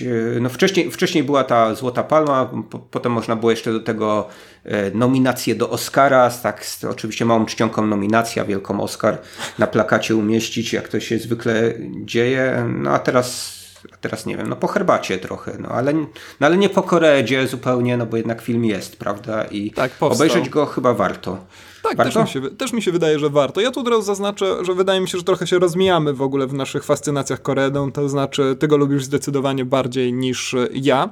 E, ja też mam duże, z tego, z tego względu w gruncie rzeczy, duże braki w filmografii Koredy, nie czuję jakiejś nadzwyczajnej potrzeby nadrabiania tego. E, Złodziejaszki to jest e, film który, który niezwykle trudno oceniać, e, jak mi się wydaje, w dużej mierze dlatego, że no to, co jest dla Koredy w ogóle charakterystyczne, to to, że on bardzo często operuje takimi e, dyskretnymi subtelnościami, że tak brzydko to ujmę e, i faktycznie to, co się tam najważniejsze dzieje, no to dzieje się tam gdzieś tam nieomal przypadkiem w tle albo w ogóle między kadrami, że powiem jeszcze gorzej, najgorsza metafora w historii mówienia o filmie, ale co zrobić? I po prostu albo się to przyjmuje w całości, e, albo to po prostu prostu pozostawia obojętnym. Mnie dość często to zostawia po obojętnym, po prostu. Ja kiedyś, e, zresztą chyba na łamach podcastu naszego, e, dzieliłem się swoimi obiekcjami wobec e, naszej młodszej siostry, czyli przed, przed przed przedostatnim, czy przed, przed przedostatnim, w każdym razie trzy filmy temu, tak, czwartym, czwartym od końca, dokładnie, e, filmem Koredy, który ty z kolei bardzo lubisz i z tego co pamiętam, to trochę będę ci wsadzał słowa w usta. E, podobało ci się w tym filmie właśnie to, że tam panowała pewna taka e, nieuchwytna atmosfera, coś o czym trudno się pisze, a jeszcze trudniej się mówi tak na bieżąco. No mnie z kolei pamiętam, ten film zupełnie nie kupił. Złodziejaszki podobały mi się bardziej e, niż e, nasza młodsza siostra, co nie zmienia faktu, że chyba film, który znam pod angielskim tytułem Afterlife, e, to jest film Koredy, który lubię najbardziej, no on z kolei E, również operuje na tych subtelnościach i takich pytaniach, które zadają wszystkie jego chyba kolejne i może te poprzednie filmy również, ale tam, pewnie o tym później powiemy, koncept jest jednak dużo, dużo, dużo wyraźniejszy. Więc Złodziejeszki są filmem, który obejrzałem z przyjemnością, e, ale nie ukrywam, że wygrzebanie z niego czegoś, o czym mógłbym teraz e, głęboko opowiadać w naszym podcaście, to, to jest dla mnie pewne wyzwanie. Mhm. Znaczy, generalnie y, rozmawianie o Koree jest jakimś y, stopniu wyzwaniem, dlatego że gdy, nie wiem, streszcza się fabuły tych filmów, ostatnich jego, e, no to łatwo mm, jednak takie, takie banały, prawda? To tak, znaczy, tak, wydaje tak. mi się, że pewne rzeczy są jednak dosyć nieuchwytne i to jest taki reżyser, E, no, którego jednak trzeba oglądać, a mówić o nim jest dużo, dużo trudniej. Ja tylko na początku się usprawiedliwię, że nie jestem jakimś wielkim fanboyem Koredy, a tym bardziej jego znawcą. Ja znam e, raptem cztery jego filmy, te, które zrobił niedawno. E, i w nich się nawet nie mieści wywołany przez ciebie e, film e, jeszcze z 1998 roku. Zatem, zatem no, znam jakiś tam wycinek twórczości Koreedy i ten wycinek podobno jednak dość znacznie się różni od jego wcześniejszej twórczości, bo on kręcił i dokumenty i próbował mm, kina gatunkowego nawet gdzie nie, gdzie tak zahaczał, zahaczał o science fiction. Jeden Jeden, jeden film, tak, jeden film w kostiumie Jidai Geki nakręcił, czyli tego gatunku japońskiego kina kostiumowego z samurajami w roli głównej. No ja tych filmów nie znam, w związku z czym być może mam jakieś zaburzone takie spojrzenie na... na, na, na Powinniśmy tak, każdy, każdy nasz podcast powinien brzmieć tak, halo, halo Michale, halo, halo Bolku, ja hmm. tych filmów nie znam. Koniec. To by było, to, to, to by był znakomity podcast. Nie, no to tytułem usprawiedliwienia, że nie będę mówił, że Koreeda jest taki bądź inny. Y, mogę tylko powiedzieć, że Koreeda jest taki bądź inny w tych swoich ostatnich filmach, prawda? Tych, tych które znam, on podobno e, poszedł w kierunku e, czegoś, co no, wydaje nam się jakąś taką e, autorską poetyką przynależną wszystkim jego filmom, ale no, znamy znaczy znamy. No, ja znam i e, większość e, chyba polskich widzów zna, dlatego że te filmy gdzieś tam trafiały w ten taki obieg festiwalowo-kinowy od paru lat dopiero. No, tych jego kilka, kilka ostatnich filmów, gdzie on kręci już w no, gatunku, którego chyba nie mamy w naszym, w naszych standardach euroamerykańskich, takim gatunku, który się nazywa Shomingeki. To jest znaczy, to z kolei... my jako e, nie Japończycy wymyśliliśmy. Wydaje mi się, że on po japońsku się nazywa jakoś, jakoś inaczej. E, nawet tu mam hmm. zapisane Shoshimin Eiga. Tak się chyba okay. po, powinno to mówić o. po japońsku. Przepraszam wszystkich, którzy mają o tym jakiekolwiek pojęcie. No ale opowiedz, opowiedz. Okej, okay. chodzi, chodzi, chodzi w wielkim skrócie o takie dramaty rodzinne, o Mm, życiu przedstawicieli e, klasy średniej, zwykle takiej niższej jednak klasy, kla, klasy średniej, no i utrzymane w dosyć, w dosyć realistycznej e, poetyce. E, nie wiem, czy coś chcesz dodać do tej, do tej mojej mikrej definicji.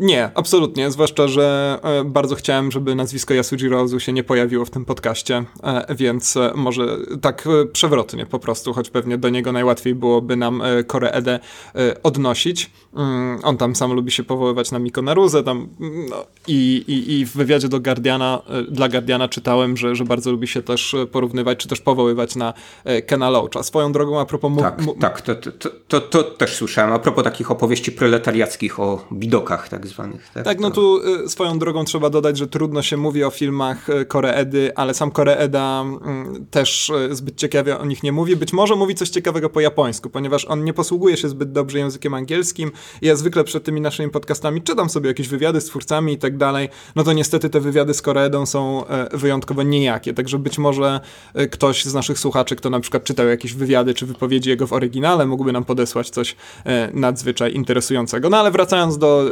definicji tego właśnie jakiegoś gatunku czy quasi gatunku, no to tak, no to to ma być właśnie zwykłe życie ludzi z tej e, niższej klasy średniej, tak to ujmijmy. No i to jest jakaś taka, mm, w każdym razie w przypadku Koreedy, w gruncie rzeczy się to sprowadza do jakiejś takiej adoracji codzienności, do tego, że mm, gdzieś tam najpiękniejsze rzeczy kryją się w detalach i tak dalej. E, no i pewnie złodziejaszki tak naprawdę mówią być może o tym samym. No ja tutaj może wspomnę o tym filmie Afterlife, będę się posługiwał tym japońskim, -hmm. przepraszam, nie japońskim, tylko angielskim tytułem, e, bo tak na pewno łatwiej wam będzie ten film wyszukać. Ja sam osobiście nie lubię tego zwyczaju, żeby mówić o filmach, które nie są anglojęzyczne, a nie mają polskiego tytułu po angielskim tytule, ale ten japoński, japoński zresztą nie jest jakiś trudny do wymówienia, ale nie będę nawet się z tym mierzył. E, no. Jak to? W, w, Wanda Furu Raifu? Nie, Wanda, nie no, dziękuję. dziękuję. Wanda, Wiesz, to mamy, mamy, mamy w tej filmografii Koreedy bardziej, większe wyzwania, powiedzmy, taki tak. film, który się nazywa Daijobu de Aruyani, tak, i to... ma jeszcze jakiś podtytuł. Oczywiście, no, złodziejaszki też się nazywają bardzo Wszystkich trudno. japonistów za, za mój akcent i szydzenie sobie. Tak. Tak, swoją drogą jesteśmy trochę mm, Dariuszami Szpakowskimi polskiego podcastingu, bo praktycznie nigdy nie sprawdzamy, jak powinno się wypowiadać nazwiska czy nazwy własne i później mamy takie problemy jak teraz. E, ale... Stąd też tyle filmów polskich ostatnio, tak? Tak, tak Artystów tak, tak. o nazwiskach panek na przykład. Dokładnie, to jest po prostu najprostsze, stąd się to wszystko bierze. E, to jest taki film, który opowiada dokładnie o tym samym właśnie, co te chyba najsłynniejsze filmy Koreedy, tylko no właśnie opowiada o tym w taki dużo bardziej in your face sposób, ponieważ to jest film, e, którego e, miejscem akcji jest, o ile dobrze pamiętam, swego rodzaju biurokratyczny przedsionek nieba. E, więc jeżeli kojarzycie takie, nie wiem, seriale chociażby jak Good, jak Good Place, który bardzo lubimy, jak Cudotwórców, o których mieliśmy sobie pogadać, ale może kiedyś jeszcze o tym porozmawiamy, no to to są trochę podobne wyobrażenia. To znaczy to, że zaświaty rzeczywiście funkcjonują trochę według takich zasad, jakie znamy z naszego społeczeństwa. No i tam ludzie, którzy trafiają po śmierci do tego przedsionka, mają bodajże tydzień, żeby wybrać sobie jedno wspomnienie, z którym następnie w zaświaty się udadzą. Tylko i wyłącznie z tym jednym wspomnieniem. I kiedy je wybiorą, to ono w taki dość amatorski sposób jest odtwarzane przez tych ludzi e, zatrudnionych właśnie w owym przedsionku nieba. No i później rzeczywiście kontynuujemy naszą podróż w zaświaty. I to jest film, który w dużej mierze składa się właśnie z takich wypowiedzi e, ludzi, którzy zastanawiają się nad tym, co jest ich najważniejszym wspomnieniem w życiu. Czy to jest, e, nie wiem, jedzenie ryżu w jakiejś konkretnej sytuacji, czy to, nie wiem, czy to jest uścisk ukochanego, czy ukochanej, czy to są jakieś wspomnienia związane z rodzicami. Z tego, co wiem, część tych rozmów, które wszystkie kręcone są w taki sam bardzo e, nieruchomy, że tak to ujmę, sposób, w jednym oświetleniu, w jednym ujęciu i tak dalej. Część z tych rozmów jest w ogóle nie rozpisana w scenariuszu, są improwizowane przez aktorów i rzeczywiście ten film no po pierwsze daje do myślenia, myślę, myślę, że daje do myślenia. Warto się zastanowić nad tym, z jakim jednym wspomnieniem chcielibyśmy się udać w zaświaty, tylko i wyłącznie z tym jednym wspomnieniem, tracąc całą resztę wspomnień. No i właśnie też wydaje mi się, że to jest jakieś takie credo, które później możemy kojarzyć z tymi najsłynniejszymi filmami Koreedy, tu nie popadając, mam nadzieję, w jakieś takie banały właśnie polityki autorskiej i tak dalej, ale to credo, które pewnie wiązałoby się właśnie z tym przywiązaniem do jakichś takich detali codzienności, do tego, że być może ten wiatr we włosach i bryza na ustach to są w gruncie rzeczy te najważniejsze e, momenty w życiu. No i w Złodziejaszkach chyba też jakoś tak jest. E, później oczywiście no z pewnymi wyjątkami, z wyjątkiem jeszcze tego filmu chociażby o e, sekslalce, która ożyła i przechadza się ulicami, mm, to, no to to jest taki film oparty na rzeczywiście najbardziej takim fantazyjnym koncepcie, później, później już tego nie ma. E, no, a Złodziejaszki, tak. to jest... E, patrz, no nie powiedzieliśmy o czym to jest film. Niespodzianka. No to już możesz powiedzieć, jak tak streszczasz Koreedę wcześniej. tak, tak.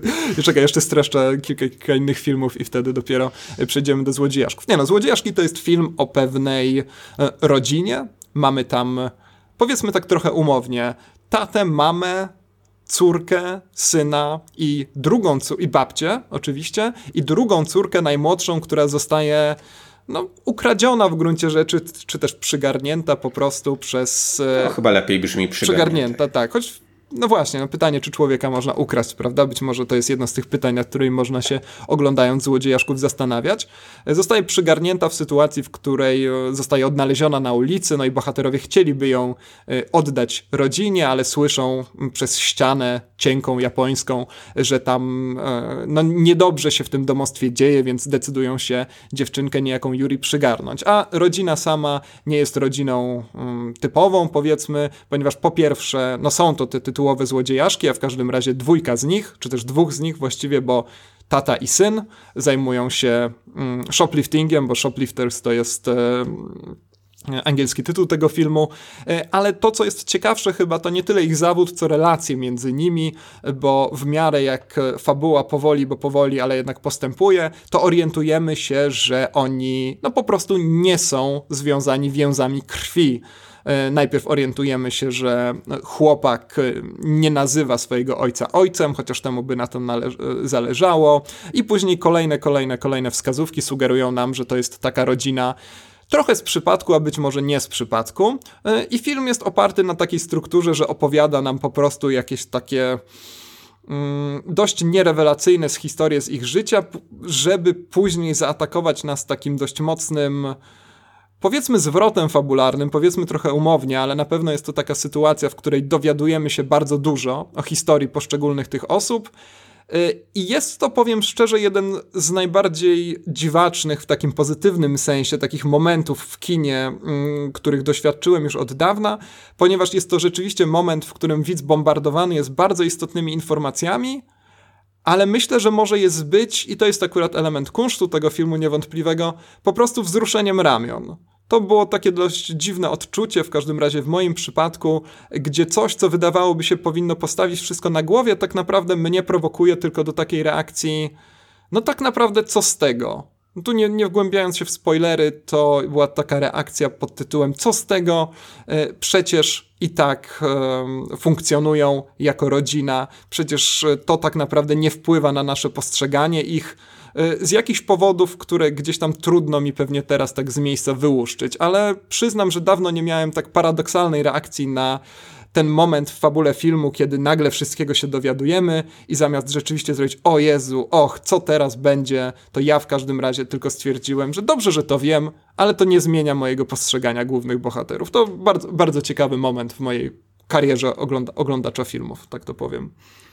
Mm, tak, to jest chyba jeden z takich elementów, który w, pozwala Koredzie uciec od takiej e, telenowelowości tych swoich opowieści, no bo jednak e, właśnie one streszczone mogą prowadzić do jakiegoś takiego pewnego rodzaju jednak, jednak banału, a tutaj to, to, to jest, to, to jest ciekawe, że nawet gdy następują jakieś takie bardzo mocno dramatyczne wydarzenia, to one oczywiście mają wpływ na bohaterów, natomiast no one chyba nie są właśnie dla Koredy istotniejsze niż to jedno czy dwa wspomnienia, o których wcześniej ty wspomniałeś z kolei, prawda, które były w, e, w filmie Afterlife, że koniec końców to jednak e, no, życie to, co, to coś więcej, chociaż z naszej perspektywy być może coś mniej, no bo czym jest jakieś tam jedno wspomnienie o, o, o jednej chwili w, w kontekście, nie wiem, jakiejś sytuacji, która wpływa na całe nasze życie, ale u Koredy ta afirmacja właśnie pojedynczych chwil, jakichś takich pojedynczych chwil szczęśliwości, zwłaszcza, e, no, wydaje się gdzieś tam spychać w cień e, te takie bardziej, bardziej dramatyczne, czy z naszej perspektywy wydawałoby się bardziej, bardziej podniosłe e, wydarzenia. Wywołałeś ten temat takiej rodziny, o rodzinie patchworkowej, tak się dzisiaj mówi. Tak się mówi. Dosyć, dosyć, dosyć, dosyć często i to jest no, taki, taki temat, który wydaje mi się, że Koreeda absorbuje, przynajmniej w tych ostatnich filmach, które E, widziałem to od razu, od razu się przyznam, że widziałem takie filmy jak, jak Ojciec i Syn, to jest mm, najstarszy film, który widziałem Koreedy, a no, został zrealizowany e, raptem nieco ponad 5 lat temu. No, widziałem naszą młodszą siostrę, Po burzy i Złodziejaszki i we wszystkich tych, e, tych filmach można powiedzieć, że z taką właśnie rodziną poskładaną, posklejaną, pozlepianą trochę z przypadkowych osób mamy do czynienia. W przypadku naszej młodszej siostry no jednak te więzy krwi były, ale wciąż E, były to siostry pochodzące z różnych związków, prawda, przygarniające tę, e, tę najmłodszą. A w przypadku filmu Po burzy, no, ojciec e, był taką, taką postacią trochę z zewnątrz, trochę próbującą gdzieś tam te więzy rodzinne łatać, ale no, z, racji, z racji tego, że że właśnie został, został wcześniej jakoś odepchnięty, odrzucony. Średnio mu się to udawało. W filmie Jak Ojciec i Syn mamy do czynienia e, z dwoma różnymi rodzinami i no, dziećmi, których nie zdradzając zbyt wiele, losy się właśnie krzyżują jakoś. Mimo tego, że właśnie e, różnice klasowe pomiędzy tymi rodzinami, różnice kulturowe są, e, są bardzo duże, więc wydaje mi się, że taki, e, taki, taki temat, jeżeli chcemy w ogóle wchodzić w jakąś autorskość Koreedy, e, to jest, e, to jest coś, co, co, co, co przynajmniej ostatnio reżysera absorbuje. Ja na tym, w tym ciągu właśnie jego ostatnich filmów nie widziałem gorzej przyjętego filmu, który chyba polski tytuł nosi Trzecie Morderstwo, a przynajmniej tak bywa, bywał tłumaczony w relacjach festiwalowych. To taki film pokazywany w Wenecji, poprzedzający Złodziejaszki, podobno nieudany dramat sądowy, tak, jeżeli mielibyśmy go jakoś w jakąś gatunkowość wpisywać. Nie wiem, czy ten film mm, znasz. nie, nie, nie. A wiem, wiem również, że jest nieudany, no i w ogóle Koreda no miał takie dość smutne przejścia z festiwalami, bo tak naprawdę nie zebrał tych nagród szczególnie dużo, no i ta Złota Palma po, wreszcie po 30 latach twórczości mu e, mu wpadła, ale nie, nie, nie widziałem, nie widziałem tego, e, tak, jego ostatniego tak, tak, filmu. Także, także, także nie wiem, czy ten film właśnie Trzecie Morderstwo w jakiś sposób jest tu czymś, e, czymś odrębnym, czy, czy mamy do czynienia z e, no, jakimiś takimi właśnie konsekwentnymi opowieściami w, w, w ostatnich latach, ale no, wydaje mi się, że jednak poetyka tych filmów i mm, jakieś takie humanistyczne przesłanie i też być może to przesłanie takie właśnie, właśnie wyższe celebracja ulotnych, ulotnych chwil to jest coś, co, co ja przynajmniej z Koreedą e, kojarzę, no ale to znowu usprawiedliwiając się, że właśnie nie znam całego Koreedy, ale też nie jestem jakimś specjalistą od kultury japońskiej, więc no jest to oczywiście skażone jakimś takim moim, moim spojrzeniem na, na, na, tamtejszą kulturę w pewnym momencie dla krytyków amerykańskich i europejskich Koreeda stał się chyba takim jednak pupilkiem e, takiej japońskości na ekranie właśnie. Tak, no jest. Mówiłeś o tych... Mhm. Mów, mów. Mówiłeś o tych odwo odwołaniach do Yasujiro Ozu, które wyciąga się mu z, z różnych jego filmów. On stara się od tego jakoś tam uciekać.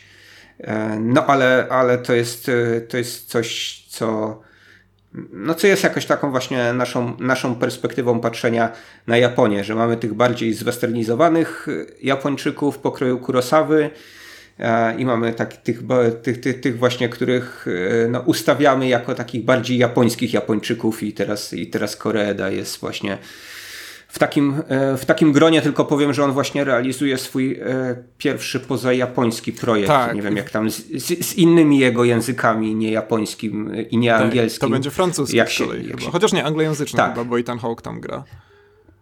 E, tak, no ale Ethan Hawke gdzieś tam we Francji już, już, już sobie bywał, na przykład u Pawlikowskiego Także to też jest taki, taki europejski aktor amerykański. Tak, on uchodzi zresztą za takiego intelektualistę, właśnie miłośnika kina studyjnego, bardziej jakbyśmy to tutaj w Polsce powiedzieli i tak dalej. No, e, film, e, który nazywa się bodajże Prawda, e, brzmi bardzo ciekawie, bo tam mamy fajny duet, Ethan Hawke i Juliette Binoche, którzy przyjeżdżają do Paryża, żeby jakoś zareagować na kontrowersyjną autobiografię matki któregoś z nich, a może obojga z nich, może oni grają rodzeństwo, nie wiem, matki, która jest e, znaną pisarką, a którą gra nie kto inny jak Catherine Deneuve.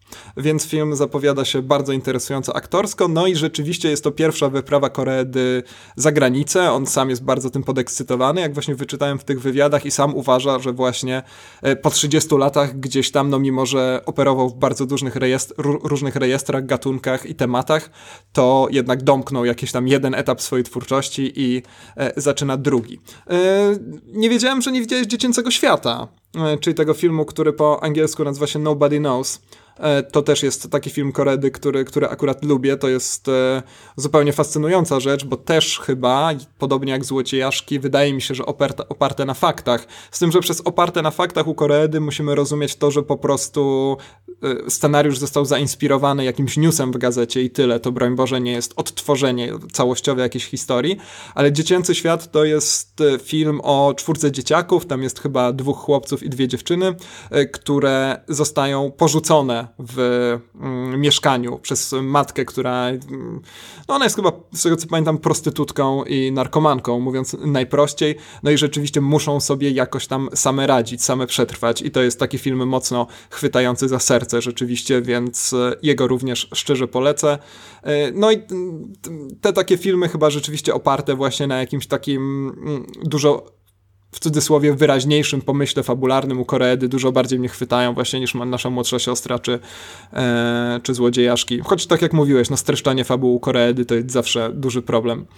Mm, no tak samo jak mówiłem. Tak, no ja, ja, ja, ja nawet miałbym, miał, miał, miałbym problemy właśnie, żeby próbować przekonać kogoś do tego, że właśnie nasza młodsza siostra jest y, świetnym filmem, chociaż uważam, że jest to świetny film, ale to są, to są no jakieś takie, no kurczę, no można było powiedzieć właśnie trywialne elementy ujęcia, które no, dla mnie Koreda przekształca w, w, w mini dzieła sztuki. To sceny jedzenia chociażby w naszej młodszej siostrze, e, czy picia wina śliwkowego są, no, są tak super, że ja, ja miałem ochotę po prostu wybiec z kina i szukać najbliższej japońskiej restauracji. No ja no, powiem... Jest, y, mhm. to, no to jest taka wrażeniowość, która no, przydarza się w kinie od, y, od czasu do czasu y, i no, nie tylko musi być kulinarna, ale jak tak właśnie wpadłem w te, w, te, w, te, w, te, w te kulinarne motywy, może dlatego, że pora już jest obiadowa, a nagrywamy przez czas jakiś, no to to, to, właśnie w przypadku naszej młodszej siostry miałem tak jak z tajemnicą ziarna Keshisha, gdzie wcinają kuskus i to też w taki, w, ta, w taki sposób, że no chciałoby się od razu, tak, tylko tak, to znaczy jedzenie w ogóle też w Złodziejaszkach jest wydaje mi się niezwykle istotne, ponieważ tam z kolei mamy te najtańsze nudle i tak dalej e, i one No, ale bardzo... to mniej zachęca nie, do to, tego, to, to żeby ma, jednak konsumować z nim. Właśnie wydaje mi się, że to nie ma zachęcać, to też jest jakiś taki e, sposób pokazania po prostu tej e, sytuacji. Swoją drogą ja w czasie mojego pierwszego seansu naszej młodszej siostry rzeczywiście wyszedłem z kina, tylko po to, żeby znaleźć na drzwiach mojego festiwalowego hotelu zawiadomienia o eksmisji z pokoju. E, wszystko oczywiście, e, oczywiście niestety z mojej winy. Na szczęście udało się to e, wszystko uporządkować i naprawić. Niemniej no, z tym mi się pierwszy seans naszej młodszej siostry przede wszystkim kojarzy. Później miałem okazję jeszcze na tym filmie jakoś tam pracować, robić jakieś spotkania z nim i rzeczywiście no, te elementy, o których ty mówisz, być może bardziej mi się tam gdzieś na duszę, na serce rzuciły, ale faktycznie no, przekonać kogoś tak, raso- tak bezpośrednio do tego filmu, powołując się na konkretne argumenty, a nie na klimaciki i atmosferkę no to to jest, to jest ogromne wyzwanie. Tak, to jest być może wyzwanie, które powinienem sobie postawić i tutaj jednak e, mm, popracować nad argumentacją. E, natomiast wydaje mi się, że powinieneś jakoś no, poczuć jednak więź z bohaterami e, Koredy, jeżeli dotknęła cię eksmisja, powiedzmy, tak, jeżeli tak, tymczasowa. Tak. Chwilowa, ale bo, jednak. Tak. Bo takie, ta, ta, ta, takie sytuacje właśnie e, przybusowej migracji, powiedzmy, e, wybranych bohaterów pomiędzy różnymi miejscami, to też takie, takie sytuacje, które są powtarzalne dla, dla tych filmów Koredy, które, które znam. Ktoś, ktoś gdzieś właśnie musi się przenieść w jakieś miejsce na no, w, na dłużej bądź, bądź krócej, nie wchodząc, nie wchodząc w, jakieś, w jakieś szczegóły wielkie. E, powiem tylko, że właśnie Nasza młodsza siostra to jest taki film, który bardzo polar, polaryzuje e, widownię, także tak, moi, mo, moi znajomi są e, no tutaj właśnie w takiej schizmie pogrążeni bardzo, bar, bardzo mocno. Mam taką E, koleżankę, z którą zgadzam się co do ocen większości filmów, natomiast e, no, ona uważa, że nasza młodsza siostra to kicz totalny i o. po prostu to że, to, że tam właśnie wszystko jest takie e, rozświetlone, mm, słodkie, tak, miłe, przyjemne, tak. uśmiechnięte, to, y, no to jest to rzekomo stawia, stawia Koreedę w jednym rzędzie z twórcami, nie wiem, polskich komedii romantycznych na przykład, prawda? No, ja, ja, również jest, miałem takie. ja również miałem e, skojarzenia z TVN-em, kiedy ten film oglądałem, nie ukrywam.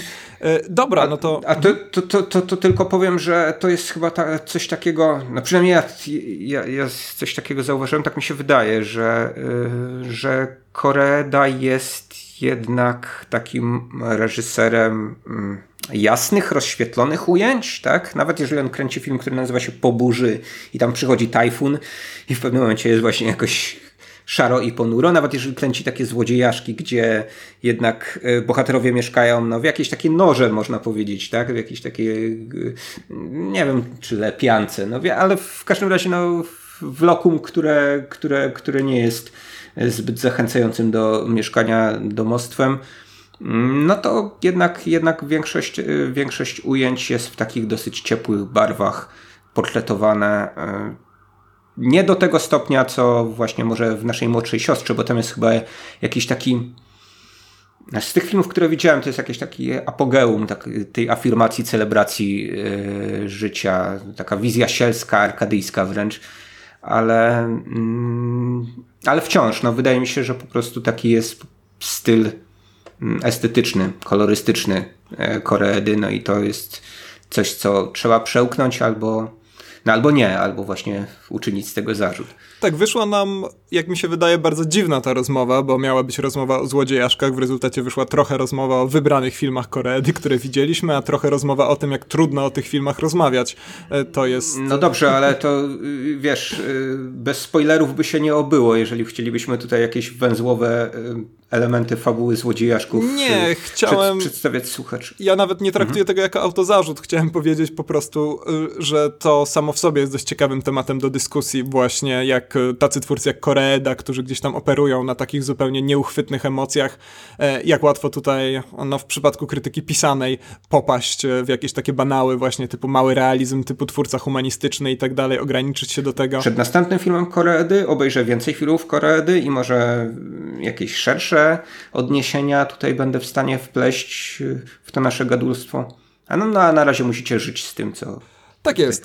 No to żyjcie w takim razie, żyjcie w zgodzie z tym podcastem, e, zalajkujcie fanpage na Facebooku, jeżeli jeszcze tego nie zrobiliście, e, wystawcie ocenę, gdzie się da, będzie nam niezwykle miło, też jeżeli będziecie za nami podążać w programie, w aplikacji pod tytułem Spotify i tak dalej. Niezwykle się z tego ucieszymy, to będą te małe chwile, być może to będzie właśnie to wspomnienie, które zabierzemy ze sobą w zaświaty. No i co? I chyba tyle, Michał, prawda? Bo już czas na obiad. Tak, świetnie świetnie się zmieściliśmy w takim standardowym, dawnym formacie filmu pełnometrażowego. Tak jest, wilkołak. Niecałe 90 trwa, minut. Tak. No to świetnie. A Free Solo trwa niewiele dłużej, e, więc możecie pozostać w tych e, klimatach, co bez sensu to jest zupełnie. Dobra, dziękujemy bardzo. Do usłyszenia. Mm, to dzisiaj jeszcze bardziej sayonara. Sayonara, sayonara, żółwie.